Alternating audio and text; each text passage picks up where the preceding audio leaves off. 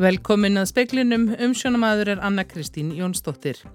Ríkistjórnin telur ekki tímabært að grípa inn í kjaradælu eblingar og samtaka atunlífsins með lagasetningu. Sóttræðsla við kórunveru smitt er tölvert útbreytt hér á landi. Þingmenn stjórnar anstöðuna segja mörgum spurningum enn ósvarað hvað varðar sölu á hlut ríkisins í Íslandsbanka. Rannsóknir hafin á dölafullum veikindum stúlkna í Íran. Grunnsemdir eru um að öll sem leggjast gegn frelsi og mentun hvenna hafi dælt eitri inn í skólastofur. Og tímalengt skamtímasamningana sem gerða voru fyrir jól fól í sér rauðastrikið segi formaður starfskrænasambandsins. Ríkistjórnin hefur ekki rætt möguleika á að setja lög á kjaradelu eblingar og samtaka atunlífsins. Katrín Jakobsdóttir fórsættist ráð þeirra segir að það gerist ekki nema almanna öryggi verði ógnað. Nei, við hefum ekki metið það tímabæra umræðu. Hins vegar erum við auðvitað að fylgjast með stöðunni og áhrifum hennar bara á almanna öryggi í landinu en höfum ekki metið það svo að það sé tímabært fyrir ríkistjóðin að stíga inni. Svona sögulega séð þá er það þegar að mikilvægir samfélagslegir þættir eru að fara úr skorðum. Þá hefur þingið gegn tíðina eh, stundum gripið inni. Við vorum ekki að ræða það hér í dag. Það er enga tillögur um það upp á borðum saði Bjarni Benditsson fjármálaráð þeirra. Guðmundur Ingi Guðbrandsson félags- og vinnumarkaðsráð þeirra vonar að deilan leysist við samningaborðið. Og ég held að sé bara mikilvægt að við gefum rými núna fyrir ríkisáttasemjara til þess að reyna að ná aðlum saman. Verkalýsfélagin hafa svona kannski kallað eftir því að stjórnvöld jafnvel fordæmi verkbann uh, samtaka atvinnlýsins það þar sé auðvaldið að fara fram í krafti stærðar sinnar gegn uh, verkalýsfélagum. Ég held að það sé, það, það er mjög vand með farið að fara fram með, með verkbann. E, Nún er búið að fresta því til þess að reyna að, að, að ná uh, samningum og ég bara bind vonir við það að aðilatnir Rækið þá skildu sína að reyna til eins allra ídrasta til þess að svo megi verða. En fordæmir þú verkbann? Ég ætla ekki að hafa neinn orðu uppi um þetta, þessi deila er bara í mjög miklum hnút. Saði Guðmundur Ingi Guðbrandsson við Ölmu Ómarsdóttur.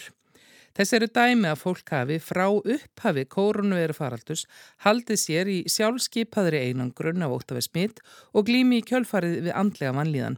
Sigriður Dóra Magnúsdóttir, framkvæmdastjóri lækninga hjá helsugæstlunni, hvetur fólk til að haga lífi sínu eðlilega og hlusta ekki á ræðslu áróður. Þrjú ár er í dag frá því að fyrsta kórunveru smittið greindist hér á landi.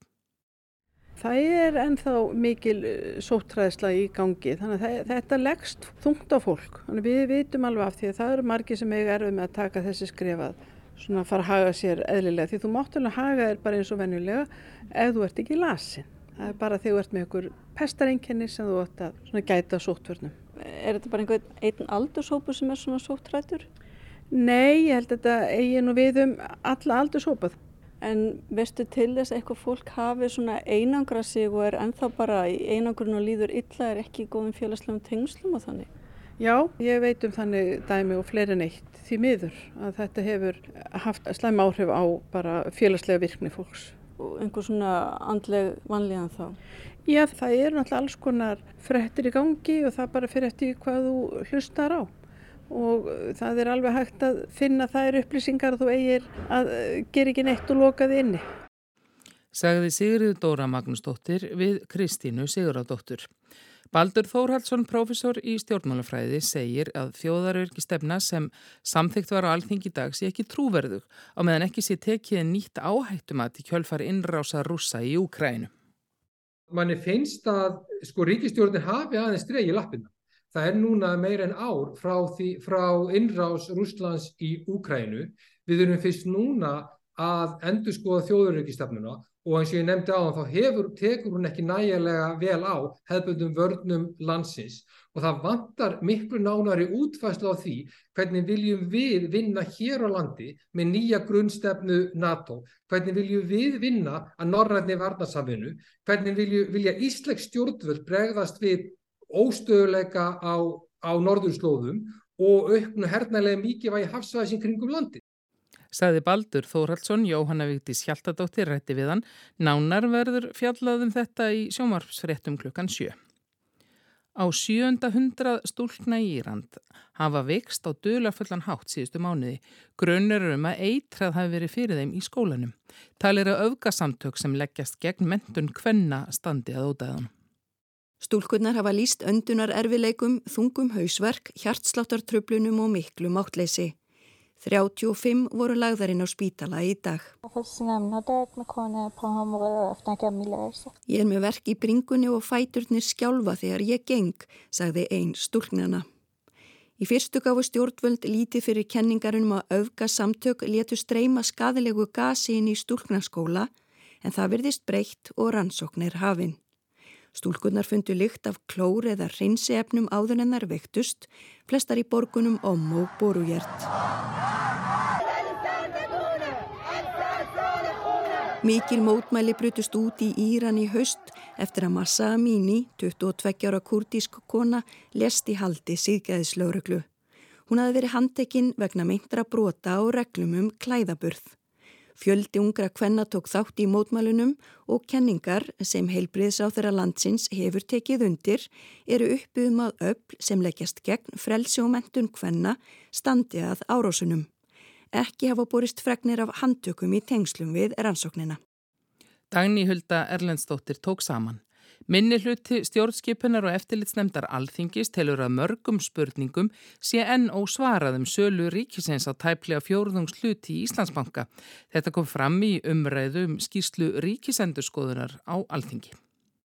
Bóðað var til umræðu á alþingi í dag um nefndarálit stjórnskipunar og eftirlitsnemdar um skýrslu ríkisendurskoðunar um söluna á hluti ríkisins í Íslandsbanka.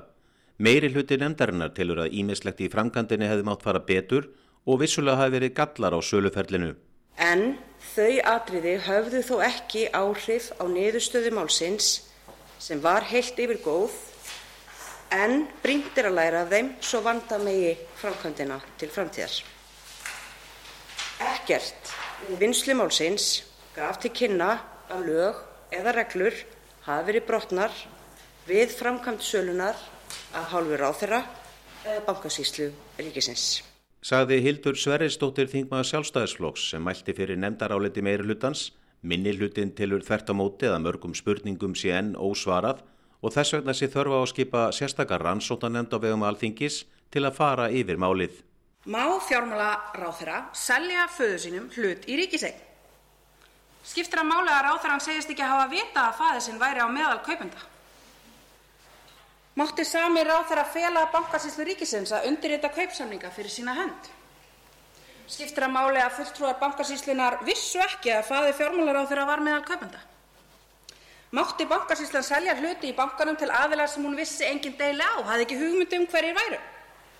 Þessum spurningum er ekki svarað í úttakt ríkisendurskoðunar. Þetta sagði Þórildur Sunna Ævarstóttir, þingmaður Pírata, höskuldur Kári Skram tók saman. Danska þingi samþygt í dag að afleggja kongsbænadag, frídag sem hefur verið við líði í rúmlega þrjár aldir. Afnám kongsbænadags, stóri beðedag, var meðal þess sem ný miðjustjórn Mette Fredriksen lofaði við valdatöku í haust. Allir myndu vinna einum degi lengur og það skila þjóðarbúinu hvorki meirann í minna en 60 til 100 miljörðum íslenskara króna á ári sem síðan eru nýttir til að fjármagna aukin útgjöld til hersins. Og eftir að segja að þessi breyting hafi mætt stórkostlegri andstöðu, þótt bænadagurinn sjálfur og hans kristilegi upprunni skipi kannski ekki stóran sess í lífi hins almenna dana, þá kunna fáir illa við að fá frí í vinnu eða skóla, eitt förstu dag í apríl eða mæ, 40 dögum eftir páska. Verkalýsfélög og vinnandi fólk tóku áformunum óstynd upp og vitanlega var andstaðan mikil meðal kirkjunar manna. Napptogaðir flokksmenn hafa sagt sig bæði úr jafnaðamannaflokknum og hæri flokknum venstri í mótmælaskinni við þessa aðföra dönsku þjóðkirkjunni. Um tíma leit út fyrir að stjórnaranstöðuflokkar myndu knýja fram þjóðaratkvæðagreislu um málið, en svo fór þó ekki. Ríkistónaflokkarnir höfðu enda hóta því að þeir sem kemur vekk fyrir afnám dagsins, þeir fengju ekki sæti við samningaborðið þegar kemur því að ráðstafa gróðanum, auknum fjármunum til hersins. Frá með næsta ári verður bænadagurinn því almennur vinnudagur í Danmörku eins og hann hefur verið á Íslandi frá orðinu 1893. Síðustu víi bænadagsins eru þó ekki fallin. Stjórnvöld í Færaugum og Grænlandi hafa engin áformum annað en að halda í daginn. Rauðastrikið í samningunum sem gerðir voru fyrir jól var að samið var til skams tíma, segir Vilhjálmur Birgisson, formaður starfskærinasambandsins og hann segir að sem betur fer hafi náðust að semja þá. Samningarnir hafi skilað þeim sem þeir eiga við kaupækkunum til að vega upp á móti þeim miklu verðhækkunum sem hafi dunið á aðundarfjörnu.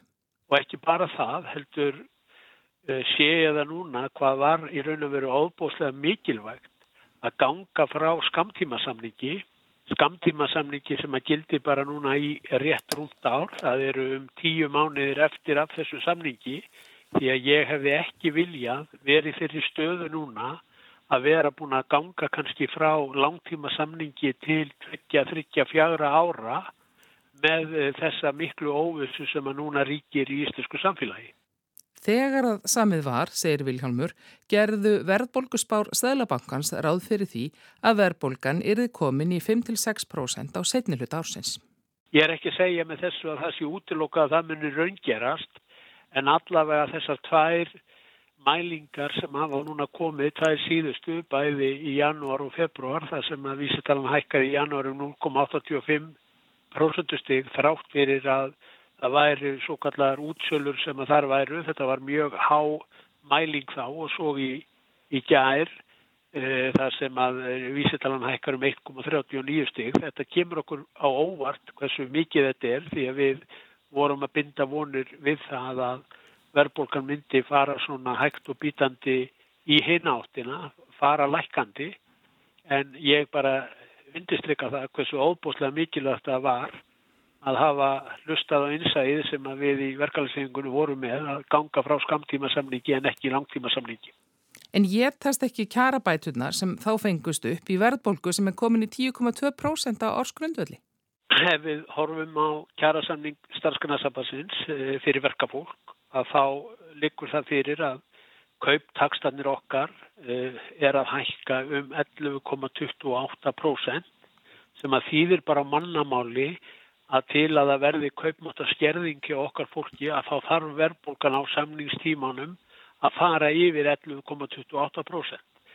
Frá því að við undirritum í kjærasamningin 3. desember eða reyndar frá 1. november 2022 þá hefur vísitalan hækkað um 2,84 stygg þannig að við erum núna, það er sá kaupmáttur sem hefur e, e, farið af þessum 11,28% Eh, þannig að, að við erum að binda vonir til þess að, að kjærasamlingur okkar muni skila þetta svona 5-6% kaupmáttar aukningu en ef að verðbólku takturinn verður með þeim hætti sem við erum búin að vera að sjá síðustu uh, tvo mánuði þá er alveg ljóst að, að það mun getast mikið af þeim kaupmætti sem við vorum í raun að vera að semja um ef að það raungerist. Ég er ekki að segja að það muni raungerast því að ég trú ekki öru heldur en að verðbólkan muni fara hjana á komandi mánuðum en hver veit það er ómólitt að spá í þessa e, kristalkúlu ef að þannig má orði komast. En hefði þurft að vera setja inn einhverja frekari fyrirvara eða var það bara svo staðrind að það var ekki sami til þó lengri tíma en þetta? Það, það, það, það má eiginlega segja að rauða strykið sem við settum í kjærasamningin var einfallega þessi stutt í samningstími. Allavega hvað okkur í starfsgreinasambandinu varðar. Nam hildar hækkun kauptaksta 11,28%. Við vorum ekki að semja um 6,75% eins og innamenn og vaffergerðu heldur er, er hækkun í okkur 11,28%. Þannig að yfirleitt hafa menn gert svona rauðstryk þar sem að uh, það hefur verið að segja upp samningum eftir að kaupmátturinn er allur búin að getast upp vegna verðbólku. Líkurnar á því að verðbólkan verði 11,28% eftir tíu mánuði er ekkit íkja mikla. Það kæmi mér allavega verulega óvart en maður skal ekki útilokka neitt Greinendur spáði að verðbólgan hjaðinni hægt og bítandi á næstu mánuðum. Sæðlabankin hefur hækkað stýrivexti 11 sinum í röð og Vilhjálmur vonar að það fara að býta á endanum. Nú eru samninga framöndan í haust og vinna við þá jáfnvel að hefjast. Eru menn innstiltir á að það þurfa að hemja verðbólgu og forðast hérna íllremdu vikslverkun, launa og verðhækana? Ég skal bara vera alveg heiðalegur með það Ég ætla bara að segja það hér og nú að ef við ætlum að ná tökum á uh, þessu ástandi sem ríkir íslensku samfélagi sem eru þessir okurvextir, það eru afleikadra að, að verðryggingunni, það er þetta gríðarlega háa vöruverð, miklar hækkanir, hækkanir á, á álækningu fyrirtækja, samakvort á rólufyrirtæki eða í dagvörun eða, eða tryggingum eða bara nefndu það. Ef við ætlum að tökum á þessu, þá lít ég svo á að komandi kjærasamningar, þar sem við ætlum að horfa til lengri tíma, þar sem við ætlum að horfa kannski til 20-30-4 ára, að þá verða allir að koma á borðinu. Ríki, sveitafélög, samtöku aðlýsins, verkefliðsefingin og líka vestlun og þjónusta. Það verða allir að setjast við þetta borð og menn verða að gera svo vel að teikna upp einhverja, ég ætti ekki að segja sko, orðið þjóðarsátt, heldur uh, svona einhverja sátt þar sem að við munum komast að þeirri niðurstöðu að auka ráðstöfunatekjur launafólks og neytenda með fleiri þáttum en bara launahækunum. Hann segir að það er engan tilgang að hækka launum 30 til 50.000 krónur ef allt sé tekið tilbaka á hinum endanum og meira til. Það likir til dæmis fyrir að vaksta breytinga síðustu missera hafi þyngt greiðslubyrði margara verulega. Einfalt eh, regnistæmi 40 miljón króna óvertryggt lán á breytilegu vöxtum Þar hefur greiðslubyrðin aukist um 118.000 krónur á mánuði og til þess að semja um laun sem að skila sér í 118.000 krónum í ráðstöðunatekjur þá þurftum við að semja um svona 170.000 krónar launahækkun e, fyrir e, heimili sem að væri með e, slíkt lán. Þessu til viðbútar þá likur fyrir að það er yfir 600 miljardar sem að íslensk heimili eru með óvertrið lán á förstum vöxtum. Þessi lán eru þannig uppbyggð að það er að koma vakstar endurskoðun á þau núna á næstu 12 til 24 mánuðum. Í mörgum tilfellum eru við að horfa upp á tvöföldun á vaksta byrði og vaksta greiðslum sem að þessi heimiluminu þurfa að taka á sig. Og þetta geti þýtt 70 til 200.000 króna aukningu á greiðslubyrðið á mánuði. Ástandið sé graf alvarlegt. Ekki vil Vilhjálmur þó taka undir að verðtryggingin sé ekki lengur stóra grílan því að þótt að greiðslubyrðin þingist minna á verðtryggðum lánum þá hækkar höfustóllin og að nóttast að verði ekkert að gert verði fólki sem er með lán á föstum vöxtum smalaðinn í verðtryggðlán þegar kemur að endurskoðunni sem fyrir var nefnd. En hvað er helst til ráða annað en vakstahækkanir til að kveða niður verðbolgu draugin? Fyrirtækin taki ákvörðinu það að draga hér og álagningu hjá sér, varpa ekki viðstöðulöst út öllum verðhækkunum, halda aftur að þessari eins og kostur er, ríki þarf að koma inn til að draga úr e, verðbolgunni, það likur bara fyrir að í janúarmælingunni þá voru skattahækkanir stjórnvalda sem áttu 53% af þeirri verbulgu sem að mæltist í, í janúamániði. Gjaldskrárhækkanir hins ofinbera sem að báru ábyrða því. Þarna hefði ég vilja sjá stjórnvöld sitja á sér með það markmið að reyna að ná hér verbulgunni niður. Nei, þeir bera hins vegar ábyrð og helmingnum af þeirri verbulgu sem að mæltist í, í janúar. Nú það er líka byllandi þensla í íslensku samfélagi og ríki þar þar að passa sig vel að auka ekki á þá þenslu. Oljufélögin sem hafa verið að auka álækninguna hjá sér umtalsvert, drægið úr henni, stjórnvöld geta líka lækkað hér krónutölugjöld á elsneitisverði og annars líkt til að draga úr verðbungu. Það er svo margt sem hægt er að gera en ég held að þessi mánuði sem framöndan eru að kjærasamningum þá eru það þessir aðila sem ég fylgd upp á þann sem þurfa að setjast niður og teikna upp einhvers konar sviðsmynd þar sem að mun gagnast almenningi neytundum og okkur öllum til góða.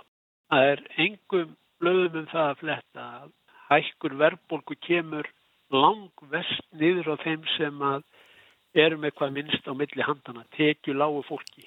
Sagði Vilhjálmur Birgisson. Fiskaldi er orðin stór atvinnugrein hér á landi. Seinustu ár hefur framleiðslan aukist hratt og skapa störf sér í lagi í dreifðari byggðum á östfjörðum og vestfjörðum. Sjókvíja eldi hefur vegið þingst í þeirri uppbyggingu, fór úr 3500 tonna ásframlegslu 2015 upp í tæplega 45.000 tonn árið 2021. Meira en 99% þess var eldislags. Útflutningsverðmæti eldisafurða 2021 var meira en 36 miljardar króna. Þær voru líka aðalega eldislags. Greinin hefur átt þátt í að snúa við neikvæðri byggðathróun á vestfjörðum og östfjörðum en stærstu fyrirtæki sem stunda sjókvíeldi hér á landi eru í norskri eigu. Umgjörði í kringum lagseldi hefur verið í umræðinu undanfarið, sér í lægi um sjókvíeldi. Ríkisendurskoðun fann að ýmsum þáttum stjórnsýslu, eftirlits og lögjafar í kringum sjókvíeldi í skýrslu sem kynnt var fyrir stjórnskipunar og eftirlitsnemnd alþingis í byrjun februar. Í dag var kynnt önnur, almennari skýrsla um lagareldi á Íslandi og framtíðarhorfur greinarinnar. Lagareldi er yfirheiti yfir allt fiskeldi, hvort sem það er á sjó, landi, þörunga eða úthafseldi. Stóra myndin. Alþjóðlega ráðgjafa fyrirtækið Boston Consulting Group vann skísluna. Þar segir að mikil tækjafæri geti falist í vexti lagareldis á Íslandi og í framtíðinni geti atvinnugreinin orðið stór hluti af íslensku hagkerfi. Hildar sölu verðmæti geti orðið alltaf 6% af verkri landsframleyslu Íslands árið 2032. Störfi í lagareldi gætu numið um 3% af núverandi störfum á landinu og skattar og gjöld tengd lagareldi numið um 3% af heldar skattekjum Íslands. Svandi Svavastóttir er matvalar á þeirra. Svandis, þessi skísla, hún er á svipum nótum og skísla ríkisendur skoðunar að það fyrir að styrkja stjórnsíslu og skýra löggefuna. Hvernig blasur hún við þér? Útgangspunkturinn í þessari skíslu er svolítið annar heldur en í skíslu ríkisendurskoðuna. Ríkisendurskoðun var svolítið að horfa um auksl og skoða í raun og veru laga umhverfið og skoða eh, regluverkið og framkvæmdina sem við erum með núna og hvar við þurfum að laga til í núverandi eh, fyrirkomulagi. Eh, á meðan að eh, verkefni Boston Consulting Group var meira að horfa fram á veginn og segja bara hvar eru þessi sóknarfæri eh, en sannarlega er Boston Consulting Group líka að benda okkur á hvað við þurfum að laga og hvar við þurfum að byggja upp og bæta til þess að geta tryggt að greinin vaksi með sjálfbærum hætti og, og þar verður svona ákveðin skörun á úttækt ríkisendurskoðunar og, og þessari skýslu að því er varðar uh, eftirlit og, og þennan ramma uh, og stjórnsýsluna. Og hvað þarf til að koma svo að þessi grein geti vaksið?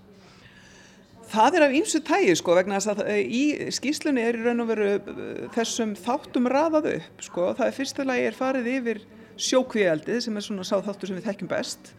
Í öðru lagi er farið yfir landeldið sem er svona að byrja að, að komast á lakirnar og síðan er það útafseldi sem við þekkjum lítið sem ekkert hér en norðmenn hafa farið tölvert áfram með. Og svo er það þörungarægt og, og möguleikin þar.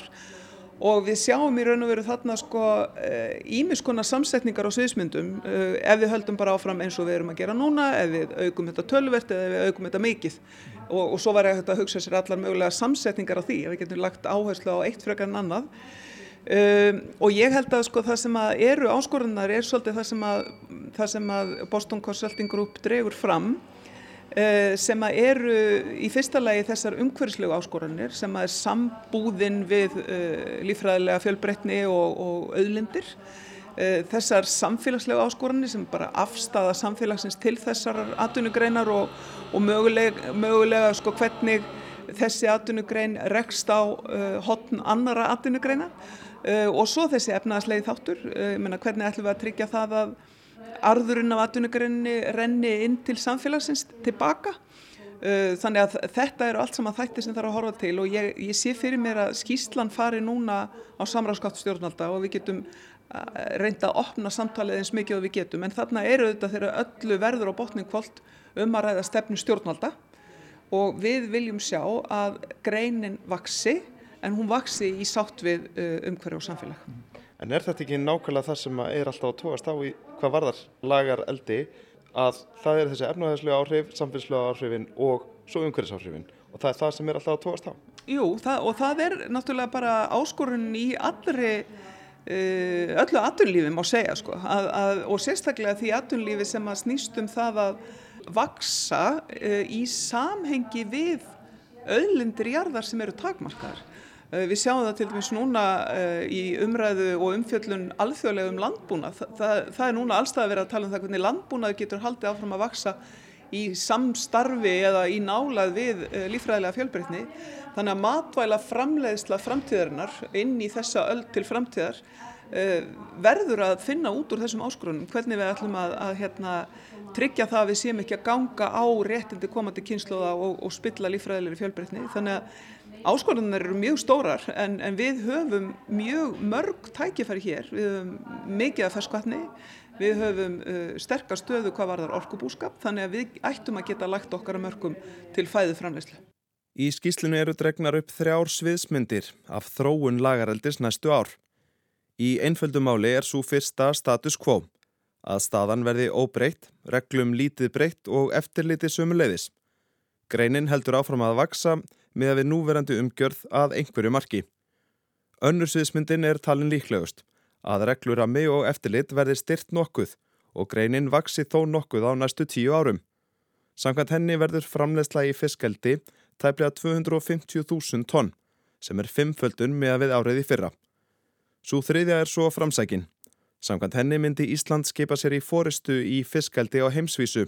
Stjórnkerfi og tæknilausnir taka miklum framförum og framleyslan markvaldast í alltaf 430.000 tonn. Það eru nefndar nokkrar sysmyndir, þrjár raunar.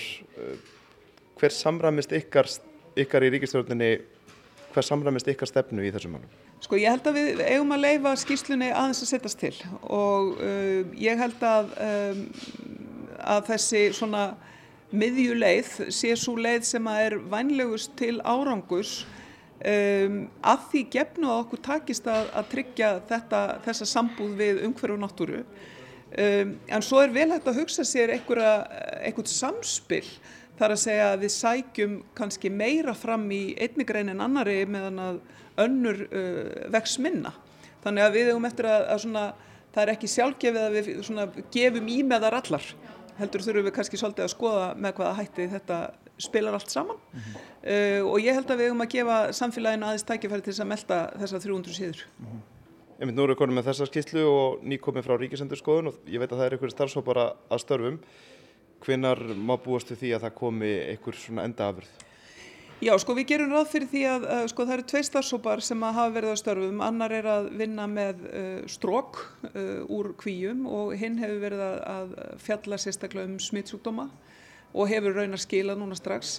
Ég gerir ráð fyrir því að við séum með um, drög að stefnu fyrir Ísland í lagareldi í september og, og stefnudraugin farið þá á samráðsgáttina og, og við verðum þá tilbúin með einhvers konar uh, svona frumvarp og lagaumhverfi uh, á vorþingi 24. Mm -hmm. Það eru nefndir hérna nýjar greinar sem hafa ekki, ekki farið mjög hátt, uh, úthafseldi og stórþörungarækt. Er ykkur áform uppi sem þið vitið um sem að er að fara í þess aft? Sko það hefur ekki borið mikið á þeirri umræðu hér. Uh, það er meira þannig að svona fólk hefur kastað þessu fram þar að segja með úthafseldið Eh, við sjáum hvað normenn hafa verið að gera en við vitum að það þarf tiltekna innviði, það þarf auðvitað orkuflutninga og það þarf svona, hvað ég segja, ákveði regluverk eh, varðandi starfsemi eh, á útafinu sem við höfum ekki og, og þyrti þá algjörlega að, að ráðast í. Hvað var það síðan þörungaframleyslu þá höfum við líka bara mjög veikburða regluverk þar En það eru auðvitað ímsar hugmyndir sem hafa verið að vakna þar og ég vil líka nefna skellræktina sem er auðvitað líka ímist eh, tækifæri þó að það sé ekki burðarásin í þessari skýslu að þá hafa þar verið tækifæri sem að væri líka hægt að vinna með áfram. Saði Svandi Svavastóttir, Bjarni Rúnarsson talaði við hana. Veðurhorfur, það verður fremur hæg, suðuleg átt á morgun, strekkingur á norðanverðurlandinu fram eftir degi. Víða þurft og bjart en þyknar upp með dálítilli vætu á suður og vesturlandi undir kvöld. Fleira er ekki speklinum í kvöld, tæknimaður var Jón Þór Helgason, veriði sæl.